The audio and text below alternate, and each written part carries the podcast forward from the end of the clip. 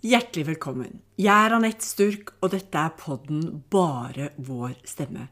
Som faktisk er unnfanget eh, etter boken min med nesten samme navn, Bare min stemme. Hva gjør sårbarheten med livene våre? Hvor viktig er historien vår? Mange spørsmål som vi alle har et eierskap til, bare vi tør. Temaene blir mange, men den røde tråden vil alltid handle om vår tilnærming til våre utfordringer, som vi alle har med oss. Jeg har med meg gjester som på hver sin måte har brukt den til å gjøre sin stemme gjeldende. Fordi det er viktig for hvordan livet skal se ut, men kanskje aller mest være en inspirasjon til at alt faktisk er mulig. Vise at vi står ansvarlig for eget liv og egne valg, uavhengig av hvilke kort som er blitt tildelt til dette korte livet vårt. Vi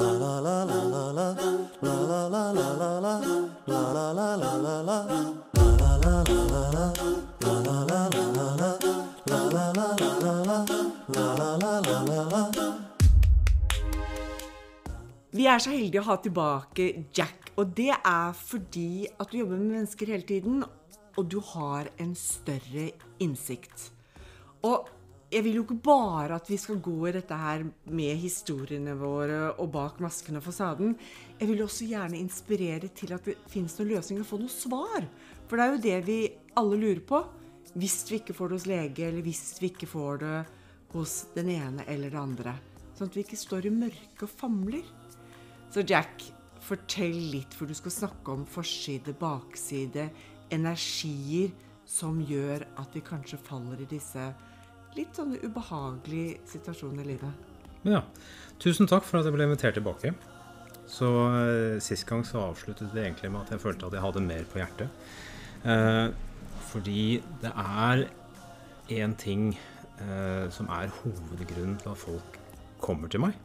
Og det er det vi skal prøve å komme oss litt dypere inn i i dag.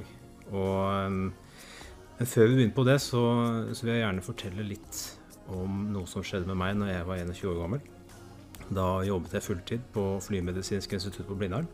Jeg studerte deltid på Blindern, og jeg fulgte kjæresten min sine studier i informatikk. Og jeg hadde det egentlig kjempekult.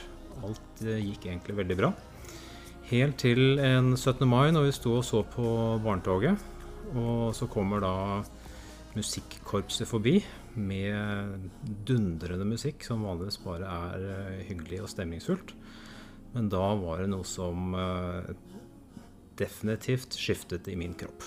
Hjertet begynte å slå rart, jeg begynte å kaldsvette. Jeg ble tørr i munnen. Jeg følte rett og slett at jeg mistet kontroll. Og for en som egentlig aldri har vært syk, så, så følte jeg at nå dør jeg. Eh, Det var eh, ganske sterkt, for å si det mildt. Samtidig så var det veldig rart, fordi jeg ble veldig rolig. Og var veldig opptatt av at selv om jeg skulle dø, så måtte jo de rundt meg ha det best mulig. Så vi dro på legevakta, og jeg fikk beskjed om at jeg hadde akutt panikkangst. Og at dette satt bare i huet mitt. Dette er jo noen år siden nå, da. Eh, Men jeg syns det var veldig vanskelig å kjøpe den diagnosen i og med at jeg ikke hadde panikk. Eh, Så jeg gikk en hel sommer og som følte at noe ikke stemte, og at det måtte være noe annet. Og eh, lette hele tiden når vi var ute etter eh, folk og steder jeg kunne eh, søke mot hvis jeg kjente at eh, dette her kom tilbake. Kom du tilbake? Nei, det gjorde det ikke. Jeg eh, tok tak i det. Eh, begynte med meditasjon den gangen. For å, for å klare å, roe ned. Og, og det hjalp. Men det var en utrolig nyttig erfaring med tanke på hva som skulle komme senere. Og det var mitt arbeid med mennesker. Eh, nå har jeg vært kiropraktor i over 20 år, og jeg ser at mye av det som ligger bak hvorfor folk kommer til meg, er en kropp som står og spinner. Bare litt tilbake, for vi skal komme tilbake til hvorfor og grunnene. Men, men litt tilbake til dette med ordet kontroll. Ja. For det at ikke sant? Det, er det en side av deg som er sterk? Du har alltid hatt kontroll på livet ditt. Du har gjort Er, er det en ting som kanskje har satt en demper på andre typer følelser? Uh, I større grad før enn nå. Uh, så jeg tror nok grunnen til at uh, dette her ble så voldsomt for meg den gangen, var at jeg da mistet kontroll. Du trengte å miste kontroll, rett og slett? Jeg tror egentlig det. Sett i ettertid så, så har jeg sett på dette som en nyttig erfaring. Både i det å miste kontroll, men uh, som jeg sier, som jeg har sagt det mange ganger til, til mange Det å ha opplevelsen av at du skal dø, og oppleve hva som skjer i deg da, og det at jeg ble så rolig, har for meg vært en utrolig fin opplevelse å ta med seg til når det da til slutt skal skje en gang i tiden. Så jeg kan ta med deg i krigen, med andre ord? Det, det, det går, sier jo rolig for seg. jeg, er, jeg, er, ganske rolig under stress, altså. Det er, det er, jeg. Og det er jeg veldig takknemlig for. Og dermed så oppsøker jeg også situasjoner når jeg ser at jeg trengs. Fordi jeg vet at jeg klarer å holde hodet ganske kaldt. Jeg tenker på, og, og, dette er ikke for å henge ut deg på noe som helst måte, men jeg tenker for det er en viktig informasjon. For jeg tenker at kanskje det er flere mennesker som rett og slett har så stor kontroll på livet sitt mm. at de får typen fysiologisk reaksjon som panikkangst, angst. Og da tenker jeg det kan jo være gjenkjennende. Mm. At rett og slett kroppen sier at vet du hva, nå klarer du ikke å ha kontroll lenger. Mm. Vet du, nå må vi overta. Ja. Nå er hodet ditt rett og slett fullt. Tror du at det Jeg tror absolutt det. Nå er hodet fullt, og, og kroppen orker ikke mer. Fordi at eh, det å ha, det å ha kontroll, det, det, koster. Det koster krefter, det koster energi. For da er du på hele tida. Eh, men det er jo, hvis vi skal gå litt bak eh, konseptet kontroll, så, eller tema kontroll, så, så, handler det jo for mange om dårlig selvfølelse. Eh, det gjorde det for meg òg. Det, det vet jeg. Og for det å ha kontroll på ting, det betyr at du ikke får noen overraskelser. Det betyr at du ikke får noen påminnelser om hva du ikke er god på. Nå har jeg vært ganske heldig, for jeg, jeg føler at hvis jeg først har bestemt meg for noe, så, så, får jeg som regel det til. Eh, men det er ikke alle som er så heldige, som er i en livssituasjon hvor det er mulig. Og da, da blir ofte kontrollbehovet enda større. Så, for det er det eneste man etter hvert har å klamre seg til. Det er kontrollen. Og til slutt så kan det få ganske alvorlige konsekvenser. Så derfor så Nå er ikke psykologi mitt fagfelt, men jeg føler at eh, det å kalle anoreksi for spiseforstyrrelse, når det ofte egentlig handler om kontroll, eh, blir feil. Så, så alle disse egentlig symptomene, de fysiske symptomene, mm. de ofte bunner Kan vi si at de bunner i dette med en eller annen form for kontroll? Ja. Det Hvorfor har vi kontroll? Hvorfor, altså, hva i all verden skal vi med kontroll? Eh, kontroll er jo, tror jeg, en gammel strategi på overlevelse. Og, og kontroll handler om at vi ikke ønsker oss overraskelser. Så for å si det sånn, eh, Mange tror de ønsker seg overraskelser, men stort sett så ønsker vi oss overraskelser vi liker. Men da har vi jo kontroll. Så, så, kontrollbehov tror jeg for mange er dypt på en måte forankret i, uh, i egentlig hvem de er. For det er, det er, der vi søker med en gang vi føler at vi ikke er nok. Som mennesker. Da blir det jo et veldig kontrollert samfunn. Og når samfunnet da i tillegg spiller opp under det, altså på en måte det politiske, det, det, altså regelverket, alt, så, så blir jo alt av kontroll. Ja, egentlig. Og jeg merker det jo på jobben, fordi folk kommer inn, og hvis du har hatt kontrollbehov over lang nok tid, så blir ofte ryggen pinnestiv. Det er, det er så gjenkjennbart. Så jeg, jeg, opplever også veldig lett i og med at jeg eh, Folk gjenkjenner jo kiropraktikk med det klassiske knekket. Eh, for at vi skal få til det, så må folk slippe kontrollen et lite øyeblikk. Og um, så noe av det mest Det som gir meg mest informasjon om mennesker, det er hvor lett de slipper meg til med kropp og rygg. Og du er i utgangspunktet livsfarlig, så det kan ta, sin tid. Takk for den. Nei, nå tenkte jeg mer Nå tenkte jeg mer den følelsen de kommer inn Ja, med. For da må du jo faktisk slippe opp. Ja. Og det i seg selv er jo da ubehagelig. ja. Og det å ha kontroll, og det å ha en kropp og muskulatur rundt som er så stram som mange har, det blir det ofte selvfølgelig smerter av. Det, på sikt så ser jeg at det blir prolapser av det. Det er, eh, det er mye drit som kommer i etterkant av akkurat det. Så eh, Og greia er at når du har kontroll, så, så har du ikke muligheten til å slappe av så mye. For da har du jo ikke kontroll. Så, så etter hvert så blir både kropp og sinn stående og spinne, akkurat som en hamster på et hjul. Det bare løper og løper og løper og skjønner ikke at det kan hoppe av. Og det er jo egentlig det som er litt av det jeg ønsket å prate om i dag. Uh, dette at vi mennesker vi har fjernet oss fra denne naturlige rytmen uh, som vi har. Og det er å veksle mellom å være på, være i produksjon, være aktivert, som vi kaller det, og det å gå inn i restitusjon og hvile. Og så, på engelsk de, de, Engelskmennene har noen ganger så utrolig fine ord å bruke. Og, og i denne sammenheng så er jeg veldig glad i følgende konsept. Det er at hvis du skal leve et godt liv, så lever du et liv mellom is, dvs. si at du er avslappet, og dis-ease. Ikke disease, men dis-ease. Det er når du tar deg sammen, når du stresser, for å få noe gjort. Og så går du tilbake til is. Men jo mer du, tid du tilbringer i dis-ease, jo større er sjansene for at du faktisk blir der, og, og denne hamsteren begynner å løpe. Hva tror du bare sånn prosent, hvis du skulle bare tippe prosentandel vi lever i dis-is i løpet av en dag? Åh, det er mye. Nå er jo jeg Du kan si Det er vanskelig å spørre så direkte, fordi at jeg ser jo stort sett folk som er der når de kommer til meg. Jo, vi, vi lever jo samme familie, vi lever sammen Ja, mennesker rundt oss, venner. Ikke sant? Vi, vi har en viss anelse om hvor stor Ja, nei, det, andel det, det er. det, det er, det er altfor mye. Det kan jeg iallfall si.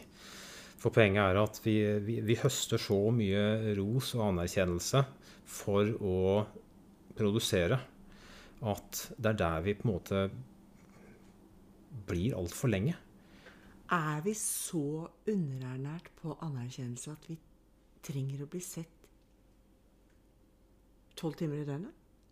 Det kan virke sånn. i hvert fall Det var, var dumt å putte alle i samme, samme bås, men jeg må si at veldig mange mennesker jeg møter, inklusive meg selv, syns det er veldig hyggelig med litt anerkjennelse.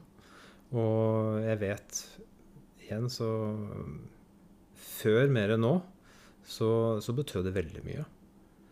Så nå har jeg blitt såpass trygg på meg selv gjennom mange år med hva skal jeg si, selvransakelse at, eh, at situasjonen er heldigvis annerledes. Men eh, tidligere så var det, var det var noe jeg virkelig syntes var godt. Hvordan var du på kritikk da? Dårlig. For det liksom, Forskjellen på kritikk og tilbakemelding kan jo være ganske vanskelig å skille. Så Og jeg tror det verste for meg, det er Og det er det jo fortsatt. eh, sånn, vi, vi, det er vanskelig å avlære gamle strategier. Vi bare får et større rom mellom skal vi kalle det stimulus og respons. Eh, når jeg har gjort mitt beste, og allikevel får beskjed om at eh, det ikke er bra nok, så, så kjenner jeg at det, det, er, det gjør jo vondt. Eh, men hvor jeg da tidligere kanskje ville hatt en mer hva skal jeg si, eh, ma- sånn respons på det, så, så får jeg det langt sjeldnere i dag. Men i den grad jeg får det, så, så er det jo spesielt når de nærmeste, de som står meg aller nærmest, og som jeg er aller mest glad i, eh, skulle gi meg den type tilbakemelding når jeg føler at det er helt ufortjent. Og det er så morsomt at du sier, for det, og, og dette tror jeg gjelder, altså gjelder oss alle. mange, ja, ja. meg, meg selv inkludert. Jeg bare, jeg bare blir så fascinert av det, hvorfor vi tror at noen andre vet bedre enn oss selv. Hvorfor vi stoler på det. Mhm. At vi ikke liksom tenker en sånn checkpoint. Jeg har gjort det, jeg har gjort det optimale, jeg vet at jeg har trent, f.eks. Og, og, og så kommer vi de Konklusjonen blir allikevel det at nei, men den personen som sa det, vet bedre, og så tror vi på det. Jeg, kan iallfall Jeg må jo ta meg selv som utgangspunkt, da. Og en av de tingene jeg merker som virkelig avgjør eh, hvilken respons jeg velger, handler veldig mye om energinivå. Fordi at vi er så heldige at vi er utstyrt med en eh, tankeboks. Og den har en veldig viktig oppgave, og det er å tenke tanker. Men det å tenke tanker, det er noe helt annet enn å faktisk tenke. Og når jeg føler at jeg er sliten, så er det ikke alltid at jeg klarer å tenke. Men jeg forholder meg til de tankene som bare dukker opp fra tankeboksen. Og da er det viktig å ha denne evnen til å spørre seg selv spørsmålet. Og dette spørsmålet har jeg fra ACT, Acceptance and Commitment Therapy. Jeg syns det er et fantastisk spørsmål. Og det er hvis jeg følger denne tanken her nå, eller følelsen jeg har, og gjør noe basert på den, får jeg da mer av det jeg faktisk ønsker meg? Det syns jeg er en så utrolig kul tanke og spørsmål. Veldig. Veldig. Men det krever jo at vi er bevisste. At vi virkelig går Altså, vi, vi må ta pause, rett og slett. Ja.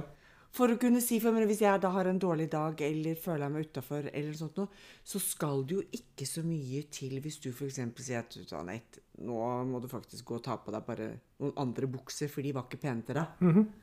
Så er løpet kjørt. Og, ikke sant, og bare det, i utgangspunktet, Hvis man er rasjonell og man har en god dag og tenker den tanken og ser på den tanken, så er det jo så misvisende som det kan få blitt. For hvorfor i all verden skal jeg stole på Kanskje du har en skikkelig dårlig dag? Helt riktig. Og trenger bare rett og slett å skyte litt fra hofta og ta meg litt. Ja, men, Så, så, men? Ja. ja, og det er jo det vi gjør. Fordi at eh, når du først har en dårlig dag hvor du ikke har noe overskudd, så er det klart at de følelsene som er tilgjengelige i deg, er jo gjerne ikke disse gode, ekstatiske, flotte følelsene. Det er jo gjerne disse tunge følelsene som kommer fram. I beste fall tenker jeg, så kommer frustrasjon og sinne fram, og det er jo en måte å prøve å løfte energinivået ditt litt. Og hvis du går rundt og er litt frustrert, så er det utrolig frustrerende å være frustrert hvis du ikke har noen å være frustrert på. Ikke sant? Og da Derfor- begynner vi å peke fingeren. Derfor disse gale bilsjåførene som går helt av skaftet. Ja, absolutt. Drittdag på jobben, og så bare bil hjemover, så vet du at her kan jeg skjelle og smelle. Ja. Ja, det er bra. Eh, Tror du at det handler om Tilbake til litt denne kontrollen. Tror du at det handler om litt det derre flink pike, flink gutt-syndromet? Skal levere optimalt for å bli sett eller anerkjent, eller Og Og der kommer kontrollen? Ja, absolutt. Uh, og så uh, tror jeg vi i dag sliter veldig også i parforhold. For at det er så oppi det blå uh, å definere dem selv. Vi har ikke disse fastsatte rollene som hvis du bare sjekket av liksom check, check, check, jeg har gjort det, da har jeg oppfylt min rolle som mann, som far, som hva som helst. Det samme for, som for kvinnen. da. At i dag så må vi, vi må tørre å ta disse litt vanskelige samtalene om hvordan vi ønsker å ha det. Være litt ego, Det men i et fellesskap. Altså Ja. bare sette fokuset Hva vil jeg? Mm. For det vil gagne til slutt et større på en måte. Og det er ganske interessant, for jeg tenker vi burde jo egentlig hatt en sånn pod hvor vi lekte at vi var gift.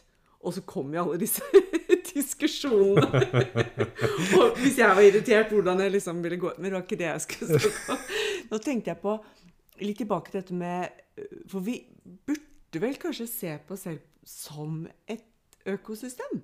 Ja. At vi Ikke sant, til høsten Nå er det høst. Mm. Nå felles bladene. Mm. Da er det en annen energi, en annen ro. Tenker du at det Det er jo kjempeviktig. Eh, For å, siden du på en måte la opp til det, så vil jeg bare forfølge den litt. Fordi Eh, da kommer vi tilbake til dette med rytmer. Eh, vi mennesker, i form av at vi har disse to måte, hovedtilstandene vi er, i, enten produksjon eller restitusjon, så har vi blitt utrolig fleksible. Vi er tilpasningsdyktige. Og når du ser på alt det som måte, endres rundt oss, både naturlige ting, men også ting som blir påført oss, Eh, så er det klart at det, det må vi forholde oss til. Og vi kan enten da danse med det, den rytmen, om det så er en årstid, eller så kan vi prøve å skrike høyt. Og det vi da gjør, det blir jo populært kalt å krangle med virkeligheten. Og det tar Det tapper oss for energi. Så øh, Da må jeg bare spørre deg, for jeg, å, jeg blir så utålmodig. Um, hvordan hva kan vi enkelt gjøre? Altså Selvfølgelig en bevisstgjøring, men hva kan vi enkelt gjøre? Hvordan finner vi ut For vi vet at vi sover ikke sant? Vi sover disse seks, syv, åtte timene hvis vi er heldige. Men så har vi resten av dagen Hva kan vi gjøre da? Ja, det var et godt spørsmål, det. Ja. jeg ønsker at du skal trylle. Oh, okay.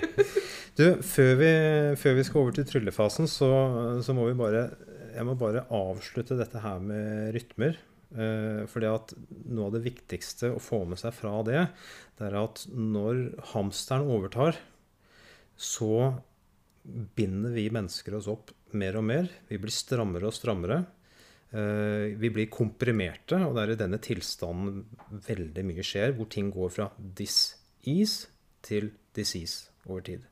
Og det er gjerne der folk kommer til meg med plager Eh, de kommer gjerne til meg med en, en, fysisk problemstilling, men eh, vi merker jo fort at det er ofte mye mer komplisert enn som så. Nå er ikke jeg noen psykolog, jeg har heldigvis gode mennesker å, å, sende folk til hvis det trengs. Men det er utrolig hva som kan løses bare med å løse opp via kroppen. Så, så det vi må over til da, som vi har nevnt, uh, som vi egentlig har vært inne på, det er energi. Men henger ikke disse tingene sammen? Jo, det er det de gjør. Hvorfor differensierer vi hode og kropp? Altså, vi er jo Er vi ikke bare én hel pakke? Det er det vi er. Så, så, selv om vi er en hel pakke, så må jeg på en måte dele litt opp i dag for å, kunne, for å lettere kunne formidle det. Uh, så jeg kommer ikke unna det å definere energi først. Og det er rett og slett kapasiteten til å utføre et arbeid. Et arbeid kan være fysisk, det kan være emosjonelt, og det kan være mentalt. Og som vi snakket om før, når du er lav på energi, så har du ofte bare tanker tilgjengelig. Det er vanskelig å tenke. Og det er veldig begrenset hvilket følelsesregister du har tilgjengelig. Så for meg så, så handler det om å optimalisere livet og få i gang rytmen mellom det å være av og på, både fysisk, emosjonelt, mentalt og åndelig. Den fysiske energien er den vi har mest av, så den gir oss kraft. Den emosjonelle energien, den gir oss bevegelse. Den mentale energien, den gir oss fokus. Og den åndelige energien gir oss mening. Jeg må bare si det, for du må bare ta den mentale biten. For så har du styggen på ryggen. Og jeg vil jo si at den er jo ikke veldig vennligstilt overfor verken deg eller meg for at vi skal gå riktig vei eller gå fremover. Nei. For den er jo den største sabotøren vi har. Mm -hmm. Og, det er jo, og jeg vet at du tenkte tankeboksen da, eller i forhold til tanker, tankeboks. Ja. Men den er jo helt Hvordan kan vi bli kjent med den? Jeg tror den letteste måten å bli kjent med den, det er bare å akseptere at den har en At den vekter over mot det negative fordi store deler av menneskehetens historie har dreid seg om overlevelse.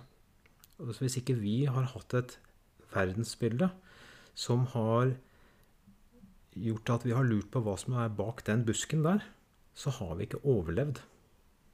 Nå lever vi i 2020, Jack. Ja. Det er veldig lenge siden jeg jaktet på moskus. Ja, det er det. Men vi er så privilegert i Norge. Vi har så få ytre farer. Men måtte, den mekanismen, den styggen på ryggen, fortsetter jo. Og skaper problemer der hvor det ikke er. Og, og, når, og, når, vi får på en måte en virkelighetsoppfatning som da gjør at vi hele tiden går og ser oss over skulderen, at vi ikke tør å stole på noen, da er vi på en måte på. Da, da, da har vi den mentale hamsteren som løper løpsk. Og igjen, det spørsmålet er, Eller det ordet 'hensiktsmessig' blir jo da utrolig viktig for å komme seg ut av dette her. Når man da først erkjenner ok, dette her er en mekanisme i meg. Jeg trenger ikke tro på alle tankene mine. Jeg trenger egentlig ikke engang identifisere meg med at de tankene er meg. Men det er det vi alle tror. Ja. Vi tror jo, og inntil ganske så nylig så trodde jo jeg at jeg var tankene mine. Ja. Når jeg snakker med mennesker og sier at du er ikke tankene dine, så vet ikke Noen vet ikke hva jeg snakker om. Nei. Så det å få en forståelse for at tankene er noe som er tillært, at det er ikke noe som eh, Det er en beskyttelse, det er eh, noe som vi ikke egentlig i prinsippet trenger lenger. Nei. Hvis ikke den krigen eller nå disse pandemiene nå har tenkt å komme på løpende bånd, så Det er vanskelig, eh, fordi vi mennesker vi, er, vi gjør det vi er gode på. Og vi tenker de tankene vi har øvd masse på også. Det er, det er en kjensgjerning at vi Jeg husker ikke hvor mange tanker vi tenker i løpet av en dag, men veldig mange av dem er de samme som bare gjentas og gjentas og gjentas. Men igjen så er det veldig stor forskjell på det å ha tanker og det å faktisk bevisst tenke. Så der er nøkkelordet bevissthet på hva vi gjør for noe i det sekundet vi står opp, Ja. og hvorfor vi gjør det. Og det å tenke betyr ofte det, faktisk det å ha en indre dialog. At du ikke er aleine oppi der, men at du har faktisk minst to stemmer som kaster ball frem og tilbake. Og da kan du droppe styggen på ryggen, for han snakker bare negativt. Ja. Og så kan du heller ha denne konstruktive dialogen, hvor du vurderer det ene mot det andre uten å gå i frykt, uten å bli redd. Ja. Og det er en av nøklene til å få tilbake den der, jeg kaller mentale restitusjonstilstanden. Det å slippe, og ikke minst på sikt iallfall, etter litt jobb, klare å erkjenne at vet du hva, jeg er mer enn nok. Uansett. Det er eh, det, det, det kan kreve litt jobb, og gjerne litt hjelp fra noen som kan dette her. Men eh, det er det søren meg verdt. Og Jeg tenker at det er jo så unik tanke. For vi har jo fått da denne gaven som heter livet. Ja. Og hvorfor i all verden skulle ikke det være nok? Det er uh, Igjen, jeg er ingen psykolog, men jeg ser jo at uh, mange har med seg bagasje. Ufortjent. Og, så, jeg, så jeg forstår jo at eh, at eh, man gjerne blir veldig god på å tenke visse tanker og frykte visse ting. Og ikke minst tenke eh, visse tanker om seg selv. Og det er, det er faktisk en av mine Noe jeg er litt frustrert på, men jeg forstår det allikevel. Det er denne, dette skillet mellom at fysisk vold blir veldig lett straffet i samfunnet vårt fordi det er ofte synlig. Men voldsomme ord de setter så dype sår at vi ser dem ikke. Og de, de kan volde langt mer skade enn det fysiske. Og det Det er noe til ettertanke for hvordan ja, vi er snakker til hverandre. Ja, virkelig. Så Men eh, det er iallfall en start å bare erkjenne dette at vi er ikke tankene våre. Og, og prøve å få litt avstand. Jeg, senest i dag så ga jeg en pasient uh, følgende oppgave. Som jeg sa at For hun var så Og jeg har kjent henne over tid, men jeg har ikke sett henne på flere år. Uh, hun er så assosiert med tankene sine, og det styrer så mye av kroppen hennes også. Hun er pinnestiv. Det er nå får du én oppgave av meg. Jeg vil at du fem minutter hver dag skal sette deg ned, lukke øynene, få en opplevelse av, hvis du ikke klarer å visualisere det, men at du sitter ved en elv som, hvor vannet sklir langsomt forbi, og på denne elven så ligger det blader. Og på de bladene så skal du legge det du har av tanker og følelser som kommer, og bare se at de følger bladene og passerer forbi. Og Det kan godt hende at du må gjenta de samme tankene og følelsene mange ganger, men poenget er at jeg vil at du skal få en opplevelse av at det er bevegelse i det. At ikke de bare står og spinner. Og det lovet hun meg, så jeg er veldig spent på hva som Det er en fantastisk øvelse. Hvis Jeg tenker hvis noen ikke klarer den stillheten sånn umiddelbar. for det krever jo faktisk ganske mye å sette seg ned og være helt stille. Ja. Kan det da kompensere med å, å, å liksom ta på seg regnestyr og gå en kraftig Altså gå lange ut? Ja. Gå en tur? Jeg er veldig glad for at du spør om det. Fordi at vi mennesker vi har en tendens til å prøve å løse problemet liksom med, i samme liksom, dimensjon hvor problemet er. Men nå er vi da så heldige at vi har, i tillegg til det mentale, tilgang på både det fysiske, kroppen, vi har tilgang på det emosjonelle, og vi har også tilgang på det åndelige. Så spørsmålet er hvor starter vi da? Og erfaringsmessig ser jeg at det er utrolig mye vi kan gjøre via kropp. Og som du sier, selvhjelp. Gå ut og bare lange ut og bruke kroppen. Det er noe av det hva skal jeg si, mest effektive og antageligvis billigste vi kan gjøre. Så, så det er et veldig godt sted å starte. Så, men da kan vi jo begynne prate litt videre om nettopp kraften eller det fysiske, der vi på en måte kan hente mest energi, og faktisk også hente mest ressurser til å, å ta med opp til det som ikke funker. Eh, og det fysiske, det, det er jo sammensatt, men vi kan egentlig forenkle det ganske bra. Det viktigste er jo å få seg en god natts søvn. Vi vet at mange nordmenn sliter med søvn. Jeg har slitt med det selv i perioder. Ehm, det viktigste med søvn, føler jeg Uh, igjen, Det å prate søvn det er jo en podkast i seg selv, men for å ta det veldig enkelt, da. Søvn foregår i intervaller på 90-120 minutter. Og da er vi gjennom lett søvn, dyp søvn, revnsøvn, og så opp i lett søvn igjen. Og både det å legge seg til fast tid hver dag, men også hvis du våkner f.eks. halv seks om morgenen, og du skal opp klokka seks Hvis du står opp da, halv seks, så får du en mye bedre dag og start på dagen enn hvis du legger deg til å sove igjen og våkner når eh, vekkerklokka ringer klokka seks, og du er enten i dyp søvn eller remsøvn igjen. Da tar det gjerne flere timer før du virkelig er på beina.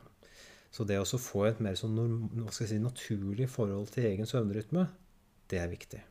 Men det som også er viktig, det er jo at denne rytmen fortsetter egentlig mens vi er våkne. Men den er så subtil at den forholder vi oss ikke til. Du kan si vi, så Hvert 90-120 minutter så, så trenger vi faktisk et lite avbrekk. Og det å ha gode rutiner på å ta en femminutter Sånn sett kan du si at det å ta en røykepause det, Jeg ser på det som litt uh, morsomt, fordi at hva er egentlig en røykepause? Jo, da reiser du opp, du går ut, og så tar du faktisk noen dype magedrag. Men du trenger jo ikke røyken for å gjøre det. Og det i seg selv er jo egentlig veldig restaurerende. Det, jeg promoterer ikke røyk, men bare, konseptet røykepause er ikke så dumt uten den giftpinnen i, i hånda og i munnen. I tillegg til det som vi snakket om sist, bare ha muligheten til å skru litt av og på med pust. Hvor du tar denne doble innpusten litt raske gjennom nesa, altså langsomme utpust gjennom, uh, gjennom munnen. Og samtidig løfte blikket fra skjermen, for det er ofte der vi sitter, og får dette panoramablikket inn, hvor du bare slipper tak i det du konsentrerer deg om, som også krever at du på en måte er på, for å få det lille avbrekket. Bare det i seg selv er jo kjempebra. Nå har vi jo fire ting. Kjempeenkle ting som Ja. vi alle kan gjøre selv. Og starte ut. Ja, men så har vi kroppsholdning. Én ting er jo at hvordan du har det, påvirker kroppsholdningen din, men det går jo andre veien òg. Så hvis du, hvis du får retta deg opp og, og på en måte fake it till you make it, så er det en veldig kjapp måte. Jeg skal Eh, aldri gå krumbøyd igjen i hele mitt liv. Nei, ikke sant? Skal jeg bare eie verden når jeg går ut. Eh, En annen måte som, eh, som jeg har brukt i flere måneder nå, som jeg har testa ut på meg selv før jeg anbefaler det til andre, det er jo igjen dette her konseptet mellom å være av og på. Um, for det å trene inn, det å tåle eh, stress, det gjør at du får langt større kapasitet. Så det jeg har gjort nå de siste månedene før jeg begynner å jobbe, siste jeg gjør før jeg begynner å se pasienter, da bruker jeg eh, faktisk Wim Hof-pust eh, sammen med pushups.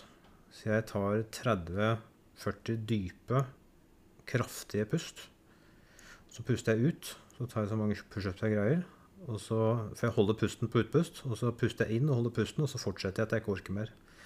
Og det gir meg både en våkenhet og en indre ro som er utrolig deilig å starte dagen med.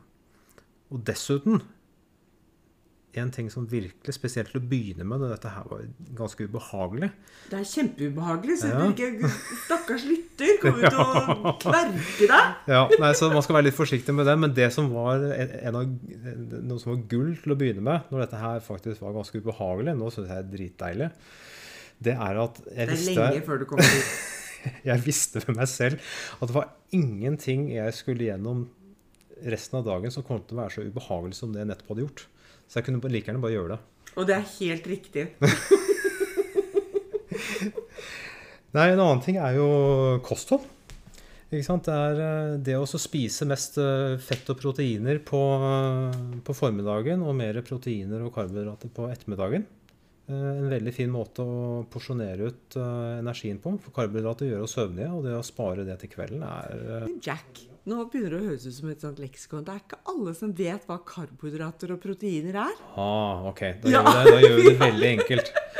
Du, da tenker vi proteiner som kjøtt og fisk, men det kan være andre ting også. Og så tenker vi karbohydrater som plantebasert.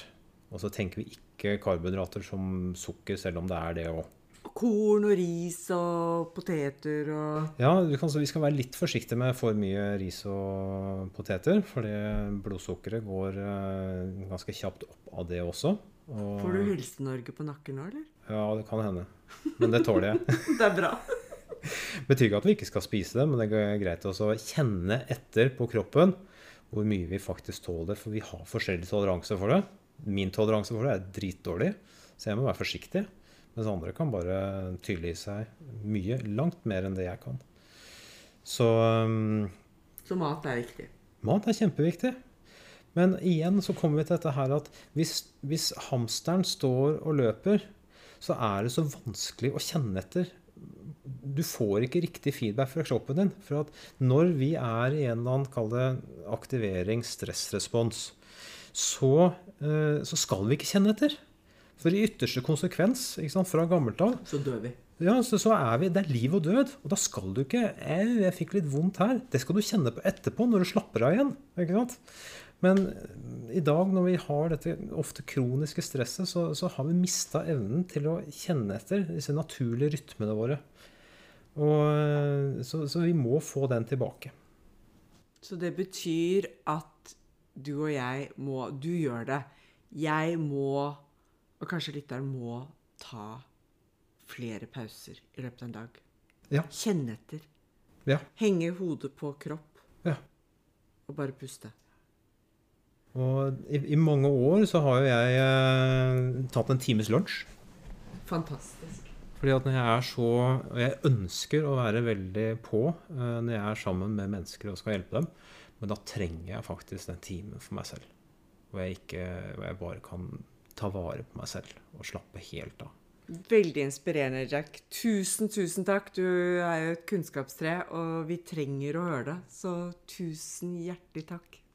Veldig hyggelig å kunne være her. Det er, det er mer der det kommer fra. Jeg, jeg kom ikke halvveis igjennom engang, men vi får ta det en annen gang. Hvis, Det blir eh, flere podder.